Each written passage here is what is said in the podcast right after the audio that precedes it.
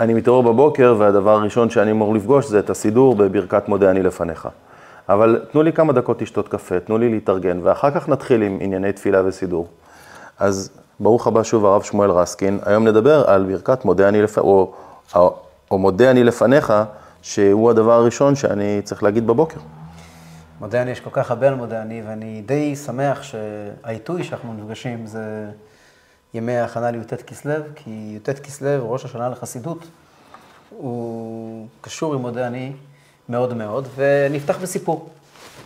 אה, קראתי שאדם מסוים היה, הוא סיפר את זה בריאיון וידאו, קראתי את זה כתוב, שהוא היה אה, משלוחן בחנות, אה, בחנות מוצרים של מכולת בקראון הייטס, בשכונה בקראון הייטס בניו יורק, איפה שהרבי מלובביץ' היה גר, והוא היה עושה משלוחים קבוע לבית של אימא של הרבי. היא הייתה מתקשרת לחנות, מזמינה מוצרים, הוא היה עושה משלוחים אליה הביתה.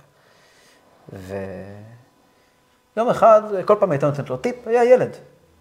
ויום אחד היא שואלת אותו, מתעניינת לשלומו ככה, והרגיש כזה נעים, אז הוא אומר לה, יש לי שאלה לשאול את הבן שלך, את הרבי, ואני מתבייש. הוא לא יחסית חב"ד. אה, אז אני רוצה לשאול אותך, ותבררי לי. אומרת לו, מה אתה רוצה לברר? אז הוא אומר לה, מאוד מעניין אותי לדעת מה התפילה הכי חשובה בסידור. מה התפילה הכי חשובה? אומרת לו, אמא של הרבי, אין בעיה, אני אברר לך. בפעם הבאה שהוא הגיע לבית של אמא של הרבי עם משלוחים, אמא של הרבי אומרת לו, היי, יש לי תשובה בשבילך. שאלתי את הבן שלי, מה התפילה הכי חשובה בסידור? הבן שלי ענה לי שכל הסידור הוא חשוב, אבל הוא הכי אוהב את מודה אני. מודה אני זה הכי יקר. ושהמודה אני הוא הכי יקר זה נושא של עולם ומלואו. מודה אני, כמה שהוא טקסט קצר ואולי מוזר, נדבר על זה עוד מעט. כן, קצת מוזר. אה, הוא טקסט הכי יקר בסידור. אני לא יודע כמה הספיק הזמן כדי שנוכל להעמיק בו, אבל הרבי לא סתם אה, אהב את הטקסט הזה, אלא הוא גם העמיק בו.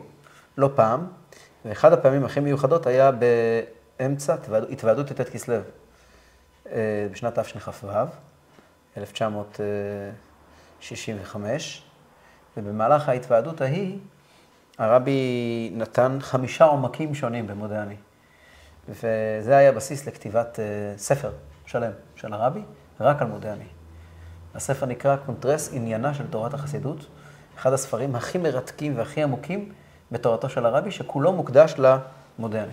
או, אוקיי, אז יש לנו הרבה דברים לדבר עליהם. המון מה לדבר על מודה אני, כאילו זה לא סתם, מודה אני זה עולם. אוקיי, אז, אז בואו נתחיל. קודם כל, מודה אני זה ברכה, זה הודיה, מה זה בדיוק המשפט הזה? לפני שאתה עושה הבחנה בין ברכה להודיה, אה, יש הבדלים בין ברכה להודיה, אבל אה, במקרה שלנו זאת ברכת הודיה, ואני אסביר. אה, הסיפור ההיסטורי של מודה אני הוא כזה. את המודה אני אנחנו לא מוצאים, לא בגמרא, ולא בכל הספרים של הראשונים, של הקדמונים. זה לא נמצא שם. לא תמצא את זה ברמב"ם, בסדר התפילות שלו, או בסדר התפילות של רב עמרם הגאון שהזכרנו, הראשון. זה לא קיים בספרים הקדמונים, וזה מהנוסחאות שנכנסים לכל הסידורים, ונמצאים בכל הסידורים, לדעתי מתקופת האריזה. אה, וזה גם כן מסביר קצת את הנוסח המורכב. כן. כיוון שאולי עוד מעט אני, אגיד, אני אגיע לנוסח המורכב, אבל הרבי טוען, בהסבר שלו על מודה אני, שמודה אני בעצם תחליף לאלוקי נשמה, ואני אסביר. אה, כתוב בגמרא, שכאשר אדם קם בבוקר, הוא צריך לומר מספר ברכות. והברכה הראשונה שהוא צריך לומר, והגמרא אומרת בפירוש, כשהוא פוקח את עיניו, היא הברכה אלוקיי, נשמה שנתת בי טהוריי. אתה בראתה, אתה יצרת, אתה נפחת, אתה משמרה בקרבי ואתה עתיד לתלה ממני, ולהחזירה בי לעתיד לבוא. כן, כל זמן שהנשמה בקרבי, מודה אני לפניך, השם אלוקי אלוקי אבותיי, ריבון כל המעשים אדם כל הנשמות, ברוך אתה השם, מחזיר נשמות לפגרים מתים. כן, אנחנו נדבר על זה בטח בהמשך. נדבר על זה בעזרת השם, באחת ההזדמנויות הקרובות. עכשיו, את הברכה הזאת מאוד מובן למה אומרים כשפוקחים את העיניים בבוקר. אלוקיי, נשמה שנתת בי טהוריי, זאת הודיה. הודיה על מה? טוב, יש לי כל מיני שאלות על, ה, על השאלה הברכה על הזאת. הברכה אבל- הזאת אנחנו נדבר, אבל, אבל בגדול, בגדול זה הודיה שאני קיים, התעוררתי בבוקר ואני. חי, כן. נכון. ולכן, צריכים לומר תודה כשפותחים את העיניים. אלא שיש בעיה. לפני נטילת ידיים שחרית, אסור לומר שם שמיים. מכיוון שהידיים שלנו הן טמאות, מכל מיני סיבות, שלא נדבר עליהן אולי באחד המפגשים הבאים, אבל ההלכה גזרה טומאה על הידיים שלנו. זה, יש טעם אחד שזה רוח רעה ששורה על הידיים בשעת השינה, אה, שזה נושא מעניין. יש אה, סיבה אחרת, כי הידיים עסקניות הן, הידיים נוגעות במקומות שצריכים, מצריכים על פי ההלכה נטילת ידיים. אה, יש עוד סיבה, אבל אי אפשר להזכיר שם שמיים לפני נטילת ידיים. אוקיי, אז אבל יש, יש אי פה אפשר פתרון, לדחות את האלוקי נשמה להמשך. אז בזמן הגמרא והראשונים, אנשים היו טהורים. אז הם יכלו לישון ולקום ולומר אלוקי נשמה. אז יש פה פתרון אלגנטי שמחליף את, ה, יפה. את הברכה שאמורה הבסיסית. להיות. התשובה הבסיסית, מה זה מודה אני? זה אלוקי נשמה מקוצר, אה, שהוא בעצם אותו, אותם תכנים של אלוקי נשמה. אז, אז, תאמר אפשר- תודה. אז אי אפשר לחכות דקה וחצי, שתיים, עד שאני יש אטול ידיים? היות, ש- היות, זה מה שבעצם הרבי כאן מסביר, היות שיש כאן אלמנט של ברכה, ברכה מברכים תמיד סמוך למה שמקיימים, למה שעושים. אני רוצה לאכול, ברוך אתה השם, בורא פרי העץ, מיד אוכלים. אני רוצה, כל, כל ברכה שהיא ברכה על משהו, אני מברך. עכשיו, כל הנאה בעולם... אי אפשר לברך שעה אחרי? לא. כל ברכה מברכים סמוך. אחרת זה נקרא הפסק. אוקיי. עכשיו, ההלכה אומרת שאסור לאדם ליהנות מן העולם הזה בלא ברכה. ההנאה הגדולה ביותר, שכוללת את כל סוגי ההנאות, זה עצם חיים, החיים. כן. לכן צריכים לברך על החיים ברגע שהם חוזרים אלינו, ברגע שאנחנו חוזרים למודעות שלנו. אוקיי. אבל אנחנו לא מוותרים על אלוקי נשמה, אנחנו נאמר את זה, את זה גם, כי צריכים שם ומלכות. אבל פטור בלא כלום אי אפשר, ולכן מתחילים ואומרים מודה אני לפניך. זה הפשט של הפשט של הפשט של מודה אני. אוקיי. אבל יש פה משפטים קצת סתומים ויש פה אולי ביטויים ש... לפני, המשפט, לפני המשפטים הסתומים, רק כדי שלא, לש, שה, שהנושא יהיה אמיתי ולא יהיה חסר, בשולחן ערוך יש טעם מפורש למודה אני, טעם אחר לגמרי. Mm. את, הרבי באמת הלך פה בדרך שאני צריך להבין אותה. אה, בשולחן ערוך כתוב טעם למה אומרים מודה אני, וזה לא הטעם הזה. מה כתוב בשולחן ערוך? בשולחן ערוך כתוב שהסיבה שאומרים מודה אני, כתוב בשולחן ערוך כך, שאדם צריך לקום בבוקר בזריזות. כתוב בהלכה שאדם צריך לקום, בבוקר בזריזות. יתגבר כארי לעבודת הבורא. זאת אומרת, לוקחים מאיתנו את הנעת הסנוז בטלפון? כן, אדם צריך לקום בתור עבד השם. לדעת, יש לי משימות היום, אדם הוא מוכוון מטרה. יש לי משימות היום, אני קם לעבוד את השם. וכיוון שאדם, אה, כדי שהוא יזכור שהוא צריך לקום לעבוד את השם, אדם הוא קם בבוקר, הוא מעורפל. אז חייבים להכניס לו איזושהי, אה, אה, איזשהו ריטואל שהוא יעשה אותו על אוטומט ויזכיר לו שהוא צריך לקום. אז לכן שמו את הנוסח של מודה אני, שזה אה, אה, ריטואל שאדם יכול להרגיל את עצמו. שהוא כן, פוקח ב- את העיניים, אומר מודה אני, והדבר הזה יזכיר לו שיש לו תפקיד לקום. אני באמת שם לב ש... שאחרי שאני אומר- מודה אני, זה כבר כאילו לא מתאים להישאר במיטה. לא, יפה מאוד. נוצר איזשהו-. נוצר איזשהו צורך בגוף לקום ולעשות משהו אחר. כי אחרת אתה פשוט אומר, אוקיי, בוקר טוב, תודה רבה, חזרתי לישון. אולי זו הסיבה הראשונה שהרבי כל כך אהב את מודה אני, מכיוון שהרבי לא אהב את השינה. אה, בחסידות אף פעם לא מדברים נגד אכילה. אף פעם לא מדברים נגד הנאות החיים, לא שמעתי שעוסקים בדיכוי הגוף. אבל אם יש דבר שהוא היה שנוא על חסידים, ובמיוחד על הרבי, זה השינה. שינה זה מצב של חדלות, של אין אונים. טוב, אה, זה ההכרח לא יגונה, אבל גם ההכרח לא ישובח. אנחנו לא ניכנס לנושא הזה, כי זה ממש מחוץ לעניין שלנו, אבל... להתעורר, אבל- להתעורר, אוקיי. תפתח את העיניים, תתחיל לעשות משהו עם עצמך. כן. וזו, זו הקריאה של מודה אני בפשט, תקום. זה לא סתירה למה שהרבי אמר שזה במקום כן. הברכה, כי יכול להגיד גם כן אברה קדברה. אומרים מודה אני, כי זה קשור לאלוקי נשמה. כן. אוקיי, אז עכשיו, אז עכשיו בוא נדבר רגע על הטקסט הזה, שהוא הוא קצת, אה, הוא קצת מוזר, בלשון המעטה מבחינתי. אה, אני, אני מודה למלך חי וקיים, אבל אני מדבר עם בורא עולם. הוא חי, ו... הוא לא חי ולא קיים, הוא הקיום והוא החיים. למה אני צריך להודות למלך חי וקיים? ו... ואחר כך, אה, למה הוא החזיר בי את נשמתי בחמלה? כלומר, הוא יצר אותי, הוא ביקש שאני אהיה פה לצרכים שלו. איפה החמלה בזה? אולי החמלה היא בזה שהוא יחזיר אותי לחיים נוחים, אבל החיים לא תמיד נוחים, לפעמים הם מאוד לא נוחים, לפעמים אני בטוח שיש תקופות שאנשים אומרים לעצמם, לא לבוקר הזה אני רוצה להתעורר. אה, ו- ובסוף, מה זה אומר רבה אמונתך? מקסים. אלו שאלות מקסימות כל כך, שפותחות המון חלונות. כי מודה אני, יש בו חלונות לקומות על גבי קומות של הבנה. אה, אולי נפתח במלך חי וקיים, שמטריד אותך כל כך. מלך חי וקיים זה דוגמה קלאסית לעובדה שהסידור משקף בתוכו קבלה. אנחנו אומרים מילים שנדמה לנו שהן מילים פשוטות, אבל בעצם אנחנו משחקים, לוחצים על כפתורים של קבלה. אה, למה? כמו שאמרתי מקודם, המקום הראשון שבו מוצאים את נוסח מודיעני, זה בכוונות האריזה. כן. שם הנוסח הוא מאוד ארוך, הרבה יותר ארוך. שם הנוסח הוא משהו כמו מודיעני לפניך, מלך חי וקיים, אה, אה, המנצח וההוד, וכל עשרת הספירות נכנסים בפנים. Mm. והחסיד והגיבור, זאת אומרת, אלו לא, זה, לא רשימה של שבחים לקדוש ברוך הוא, בקושי פתחת את העיניים. אלא מדובר כאן על, אתה מדבר על כל ההוויה כולה. אתה מדבר כעת על מודה אני לפניך, על הכל. ולומר הכל בשפה של קבלה זה עשר הספירות העליונות, שהן בעצם מקיימות את כל, את, כל, את, כל, את כל המציאות. אז זה התקציר... עכשיו, מלך חי וקיים, יש כאן שני אה, תארים לקדוש ברוך הוא. מלך זה תואר אחד, חי וקיים זה תואר שני. מלך מסמל לנו את מידת המלכות של הקדוש ברוך הוא. חי וקיים תמיד תמיד תמיד מצביע על היסוד. אוקיי. חי וקיים זה יסוד, זה כתוב בכל ספרי הקבלה המורכבים. הולכים הפוך, הפוך אה? בספירות. כן. מלך, עכשיו, מה זה אה, יסוד ומלכות? יסוד ומלכות זה תמיד, אה, מלכות זה מסגרת, ויסוד זה תוכן. מלכות זה נקבה, יסוד זה זכר. מלכות, זה תמיד יהיה, מלכות, כתוב בפתח אליהו, מלכות פה, אלו מילים, כמו ויאמר אלוקים, בדבר מלך שלטון. מלכות תמיד מסמל את המסגרת של העולם, חי וקיים זה את התוך של העולם, החיים של העולם, הקיום של העולם. כשאומרים מודה אני לפניך מלך חי וקיים, בעצם אומרים, אני מודע לכך, ואני מודה על, על המסגרת ועל התוך. מה זה המסגרת? שולחן, הכיסא, הגוף. כלומר, אתה מודה על העולם הגשמי. על העולם הגשמי, או אפילו הרוחני, בתור מסגרת, בתור, בתור משהו שהוא קיים. חי וקיים זה התוכן שלו, למה הוא קיים, לאיפה הוא הולך. הקדוש ברוך הוא גם בורא את העולם במובן הפרקטי, וגם לוקח את העולם לאיזושהי תוכנית. כלומר, חי וקיים זה כמו מטרות, זה נכון. כמו כיוון התפתחות. נכון. והמילים חי, מלך, חי וקיים, מקבילים מאוד מאוד לתוכן של מודה אני. כי מה אתה בעצם אומר? אני קמתי בבוקר כמסגרת. ומרגע זה אני הולך להתחיל למלא את המסגרת שלי בתוכן.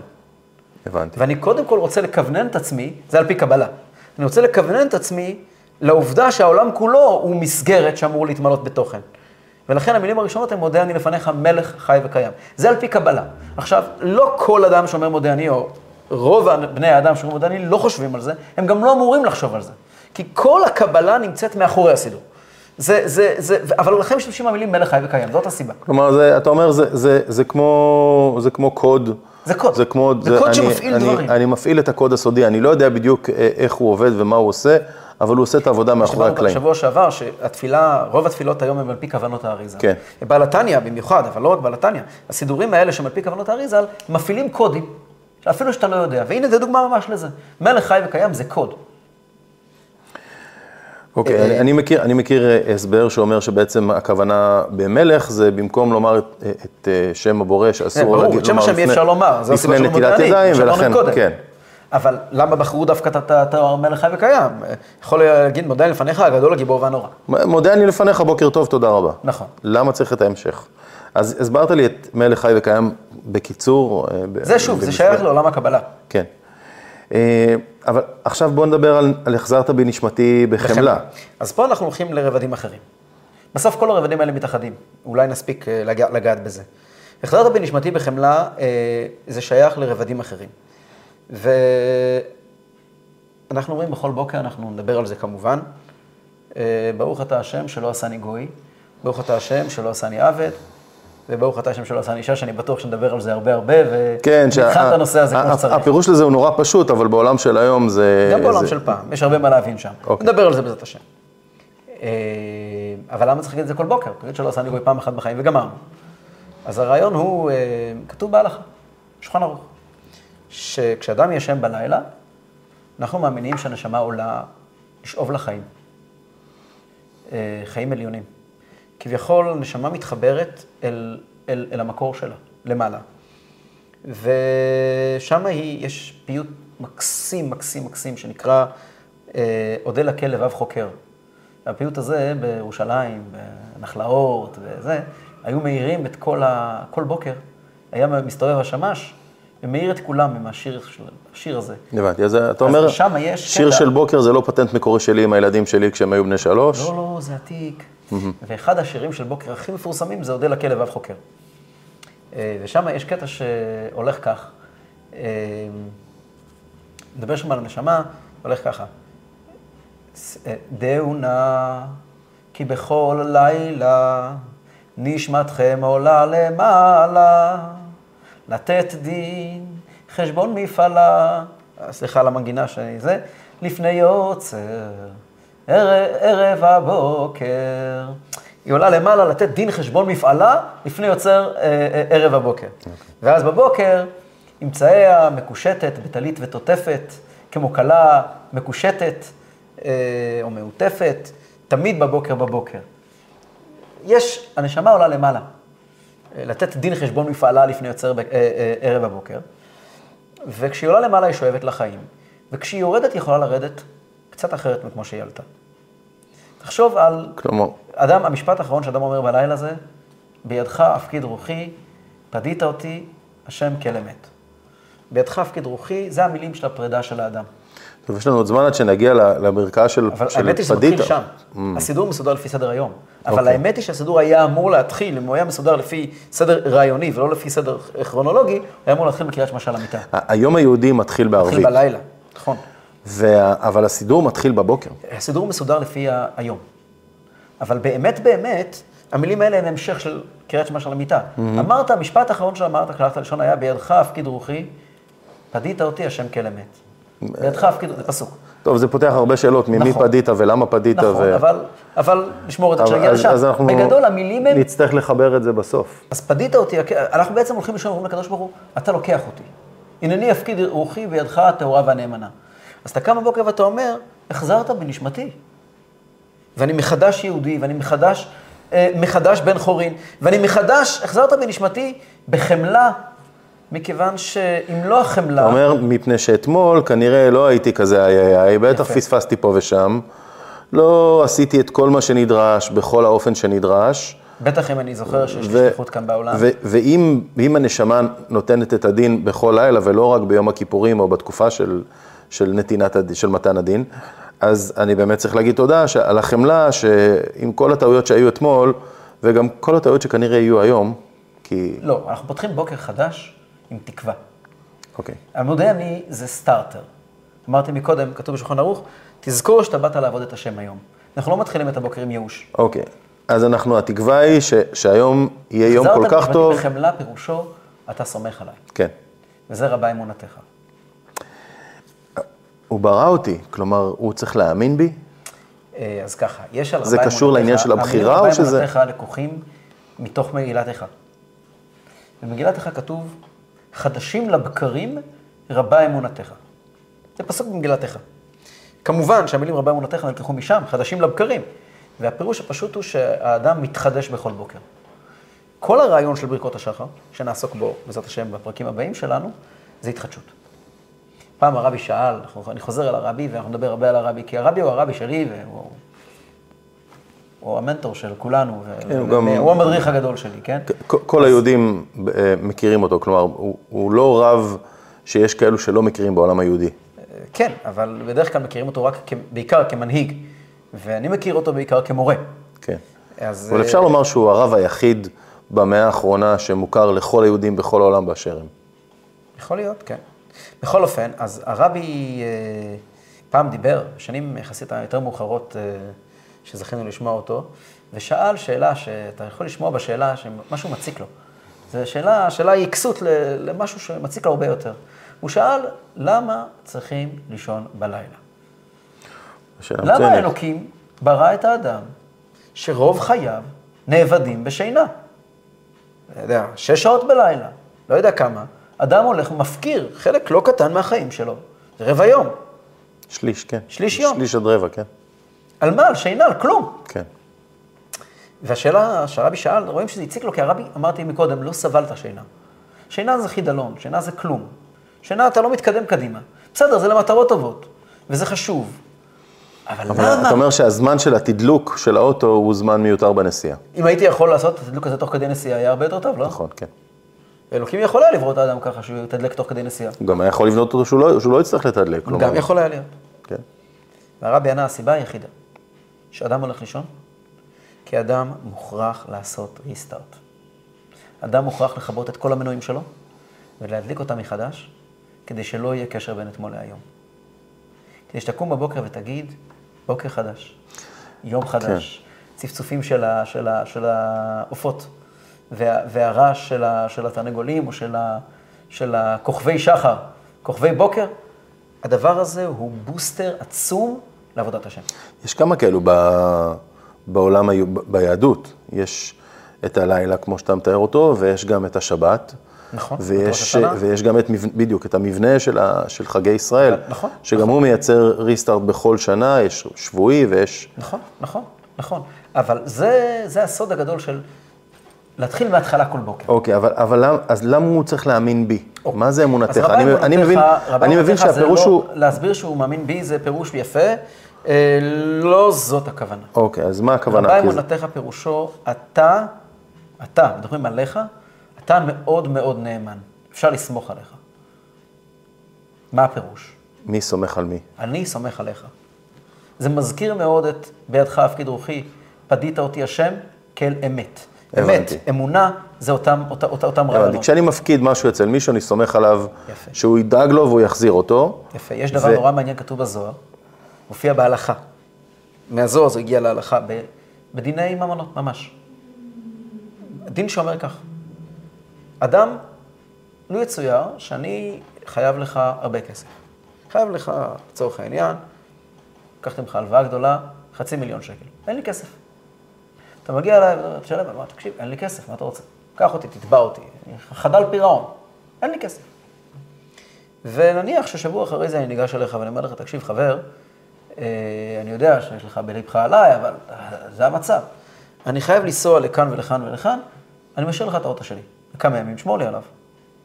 כשאני חוזר, מה דעתך על הרעיון? שאתה אומר לי, אדוני, האוטו שלך שווה 50 אלף שקל, אתה אומר לו הלוואה, וזו התחלה. להתראות, האוטו אצלי. יש שם מפתחות אצלי, לך מפה. אני רוצה לקזז, אתה לא הולך להחזיר לי את החוב. כן. אומר הזוהר, וזה הלכה בשולחן ערוך, אסור לעשות את זה. למה? כי כשאני הפקדתי אצלך את הרכב, הסיכום לא. היה שאתה מחזיר לי אותו. כן. לא אמרת לי, אני מוכן לקחת אותו, לשמור עליו לתמיד. בדיוק. עכשיו, מה הסיבה? אומר הזוהר, חדשים לבקרים, רבה אמונתך. אלוקים ככה מתנהג איתנו. כשהוא לוקח את הנשמה שלנו בערב, יש לו הרבה חשבונות איתנו. בכל זאת, עבר הלילה, הוא מחזיר לנו, סיכמנו שאני מחזיר בבוקר, הוא מחזיר בבוקר. אבל, אבל אני לא סיכמתי איתו, אני בסך הכל מודה לו על זה שהוא אפשר לי לייצר את הסיכום. אז ההודיה, ופה אנחנו מתחילים לגעת קצת בנושא ההודיה, שעוד נעסוק בו רבות, ההודיה נובעת מתחושה פנימית שלא מגיע לי. וכשאני מגיע עם תחושה שלא מגיע לי, אני מקבל חיים אחרים לגמרי, ועוד נעסוק בזה. כן. אני מקבל חיים אחרים לגמרי, חיים הרבה יותר משמעותיים, חיים הרבה יותר אה, פרודוקטיביים, וחיים הרבה יותר מלאי עבודת השם. והרבה אמונתך הזה, שהרבי קושר את זה עם דברי הזוהר, הזוהר מדבר על הפסוק, חדשים לבקרים רבה אמונתך, אומר הרבי, גם זה מזכיר לנו כל בוקר. רבה אמונתך, שאתה חייב לאלוקים, הוא מחזיר לך את הנשמה בכל זאת, כי יש לו ציפיות ממך. כי יש לנו איזשהו עסק. כן. עוד פירוש ברבה אמונתך, אה, ותכף אה, אני אני אראה איך שכל הפירושים האלה הם בעצם פירוש אחד. רבה אמונתך, פירוש נוסף, זה גם כתוב במדרש, חדשים לבקרים רבה אמונתך, אומר המדרש, מזה שכל בוקר הקדוש ברוך הוא מחזיר את הנשמה בגוף, אני, אני למד מה יהיה בתחיית המתים. רבה אמונתך לתחיית המתים, זה מעורר בי אמונה לתחיית המתים. זה מאוד מסתדר עם אלוקי נשמה, שהרי תקציר של אלוקי נשמה, שמסתיימת ב... ואתה עתיד להחזירה בי לעתיד לבוא, ברוך אתה השם המחזיר נשמות נפגרים מתים. אני באמת, אני מתחיל ואני אומר, רבה אמונתך, אני מדבר על תחיית המתים. רומז. רומז על תחיית המתים. אוקיי. עכשיו, אז- אה, כן. לא, אני, אני מתחיל אה, להבין את העניין הזה. אה, הנושא הזה של אה, ההבדל בין ברכה להודיה הוא נושא גדול, אני מניח שניגע בו, בו בהרחבה בפעם אחרת. אני רוצה אבל באמת לגעת ב- ב- בעומק של העומק של מודה אני. כן, יש פתגם חסידי, עמוק עד מאוד, שאומר כך: מודה אני, זה הטקסט היהודי היחידי שנאמר לפני נטילת ידיים. למה? כי מודה אני מצביע על היהודי בעצמו. נטורל. אני כבר אסביר את זה. ובנטורל הזה, אף טומאה לא יכולה לגעת. זאת אומרת, זה לא נוסח, כלומר, זה לא מטוס שבמודה- שטס נמוך ו- ו- ועובר תחת הרדאר של, של הטומאה, כי אין בו שם שמיים, אלא בדיוק הפוך. האני שבמודה הוא לא אותו אני שאנחנו מנסים לבטל אחרי, נכון. אחרי שאנחנו מודה נותנים אני, ידיים. זה כאילו מדבר זה על שלנו. רובד אחר של תפילה. והרעיון הזה הוא רעיון מאוד מאוד עמוק. אני אנסה קצת, אה, קצת לפתוח אותו. אה, זה, זה בעצם הנושא שעומד במרכזו של אותו קונטרסט שדיברתי עליו מקודם. אנחנו מאמינים שאנחנו מדברים פה הרבה על נשמה. כי מודה אני עוסק בהחזרת רבי נשמתי. אנחנו יודעים שליהודי יש נשמה אחרת. בלי להיכנס לנושא הרחב של נשמותיהם של אינם יהודים ונשמותיהם של בעלי חיים, ליהודי יש נשמה אחרת. ליהודי יש ייעוד שנמצא בו וקיים בו, בין אם הוא מודע לזה, בין אם הוא לא מודע לזה. כל יהודי יש בו חלק אלוקה ממעל ממש. והחלק אלוקה ממעל ממש הזה הוא הדבר שכל אומות העולם מביטים בפליאה ליצור המוזר הזה שנקרא יהודי, למשוגע הזה, על היצור הבלתי מובן הזה משחר ההיסטוריה ועד היום, ואומרים, מה זה הדבר הזה? מה משותף בין איינשטיין ופרויד וטרוצקי והרמב"ם להבדיל, ולא אומרים להבדיל, ואיינריך היינה, ו- כל אלה משוגעים, ומרקס מטורללים על כל הראש. וכל אלה, אתה לא יכול, כל אלה יהודים. תשאל כל גוי, אנטישמי מתחיל, יסביר לך שכל היהודים לגווניהם, אלה הסופר קפיטליסטים, ואלה שהמציאו את הקומוניזם, וכל היהודים למיניהם ולסוגיהם, הם כולם בנויים מאותו חומר בסיסי. אתה אומר, הם עושים הבחנה שאנחנו היינו אמורים להבין כבר. לפחות הבחנה ברמה שיש הבדל. יש הבדל, זה כן. והדבר שמאז ומקדם הצית את דמיונם של הגויים, והוא הבסיס של הפרוטוקולים של דקני ציון, והוא הבסיס של האנטישמיות, זה, אם ניקח את הדוגמה הכי טובה, זה סיפורו של היהודי זיס. היהודי זיס זה סרט שיצא לאור על ידי הנאצים. אה, יוליוס שטרייכר אה, וחבורתו וחבורת אה, גבלס כן. הוציאו סרט, היהודי זיס, סיפור אמיתי, על זיס אופנהיימר, שהיה ממשפחת אופנהיימר הידועה, שהיו שתדלנים גדולים מאוד, יהודים בנקאים ענקיים, ושנתנו, החזיקו את, את גרמניה במאה ה-17. וזיס אופנהיימר היה אדם מאוד מאוד מאוד נחות, וטוב, היו כאלה יהודים תמיד. מאוד נחות ומאוד ויש. גס ומאוד מוסרי, ומאוד לא מוסרי, והוא היה אסיסטנס של אחד הנסיכים, שמו נשכח ממני, אבל תעשו גוגל. זיס אופנהיימר, או היהודי זיס. יהודי זיס זה לעג, כן? היהודי המתוק. כן. יוד זיס, יהודי המתוק, כן? ובבוא היום הוא, הוא, הוא היה אדם מושחת. ככה לפחות מוצג בהיסטוריה. ואני לא הייתי שם כדי לדון אותו, ואתה יודע מה, אני לא יודע כמה אני יכול לסמוך עליהם בתור אה, שופטי היסטוריה. אבל, אבל בוודאי. שהוא לא היה יהודי עם זקן ארוך שהולך כל בוקר למקווה ונותן צדקה ולומד תורה מהבוקר עד הערב. זה ודאי שהוא לא היה. וביום שהנסיך שהיה, הוא היה הפטרון שלו, הנסיך הזה מת, אז באותו יום המונים קפצו על זיס אופנהיימר, הכניסו אותו לכלא ודנו אותו בית משפט, והרשיעו אותו בכל הפשעים של האנושות כולה בערך. ועד כאן, בסדר, זה סיפור יהודי קלאסי. פה מגיע הקאץ', שנמצא בסרט של היטלר. זמין לצפייה. והוא נמצא היום, אפשר למצוא את זה, את הסרט. כן, כן, אני יודע. את הספר, זה על בסיס. מגיע רגעים, מגיע, החליטו שהורגים אותו, שורפים אותו חי, בתוך כלוב. במרכז גרמניה, לא זוכר באיזה, באיזה עיר. וברגעים האחרונים ניגש אליו הכומר, ואומר לו, יודזיס, אנחנו מוכנים להרוג אותך לפני ששורפים אותך, במקום לשרוף אותך חי. אם רק תסכים, להתנצר. והוא קם ויורק על הצלב, ושאג בקול גדול את תפילת עלינו לשבח. הוא נשרף חי. זאת עובדה היסטורית. ואת העובדה ההיסטורית הזאת לקח, לקחו אנשי התעמולה הנאצית, הוציאו אותה מתוך ההיסטוריה ואמרו, שימו לב, היהודי הנאור, היהודי הזה שנראה לכם כמו פרויד, כמו אדלר, כמו... כן. היהודי מה... מה... מהאויסטיודן, היהודי מהעיירה, שנראה כמו תולעת, זה בדיוק אותו דבר, אתה לא יכול לדעת מתי זה יצוץ לו. זה מה שהם, שונאי ישראל, אמרו.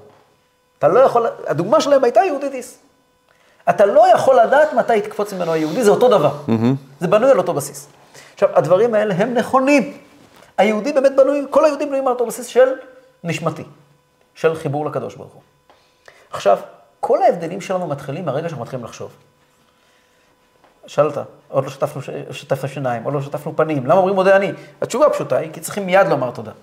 התשובה הפנימית היא, ברגע שתשטוף שיניים, תרחוץ שיניים, ותשטוף פנים, ותשתה את הכוס קפה שלך, אתה כבר בני. אתה כבר יהודי שהוא גם בני. זאת אומרת, יש לי כמה רגעים של חסד לפני שהתחיל הבלגן, שבהם עדיין, אני... שאתה חסר מודעות, אתה אפילו לא מבין מה יוצא לך מהפה, ואז יוצא הנטורל שלך. והנטורל שלך זה אלוקים, תודה. אנחנו, אנחנו רוצים ש... והתודה יוצרת את המילה יהודי.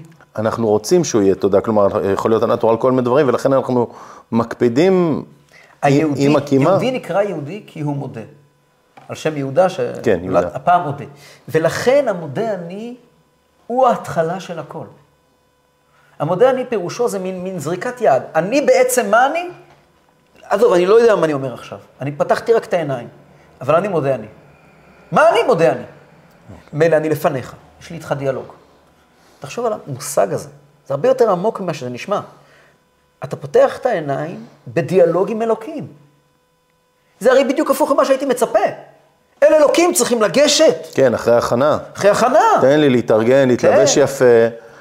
ללכת לבית הכנסת, כן, כן, נדבר כן, לעמוד זקוף, ואני ברוב חסדיך, אבוא ביתך, כן. ושתחבר אל אחד קודשך ביראתך.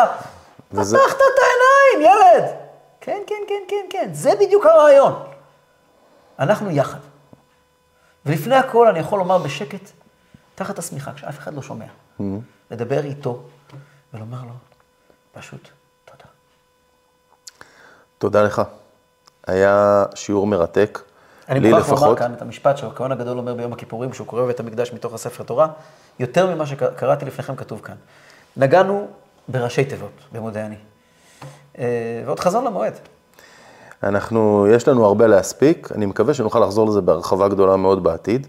בכל אופן, תודה רבה לכולם. אם אהבתם את השיעור ואם הפקתם ממנו ערך, תעשו לנו לייק, תעשו לנו עוקב, זה יעזור לעוד אנשים לראות ולעוד אנשים ללמוד. תודה רבה לרב שמואל רסקין, ונתראה בקרוב. Então.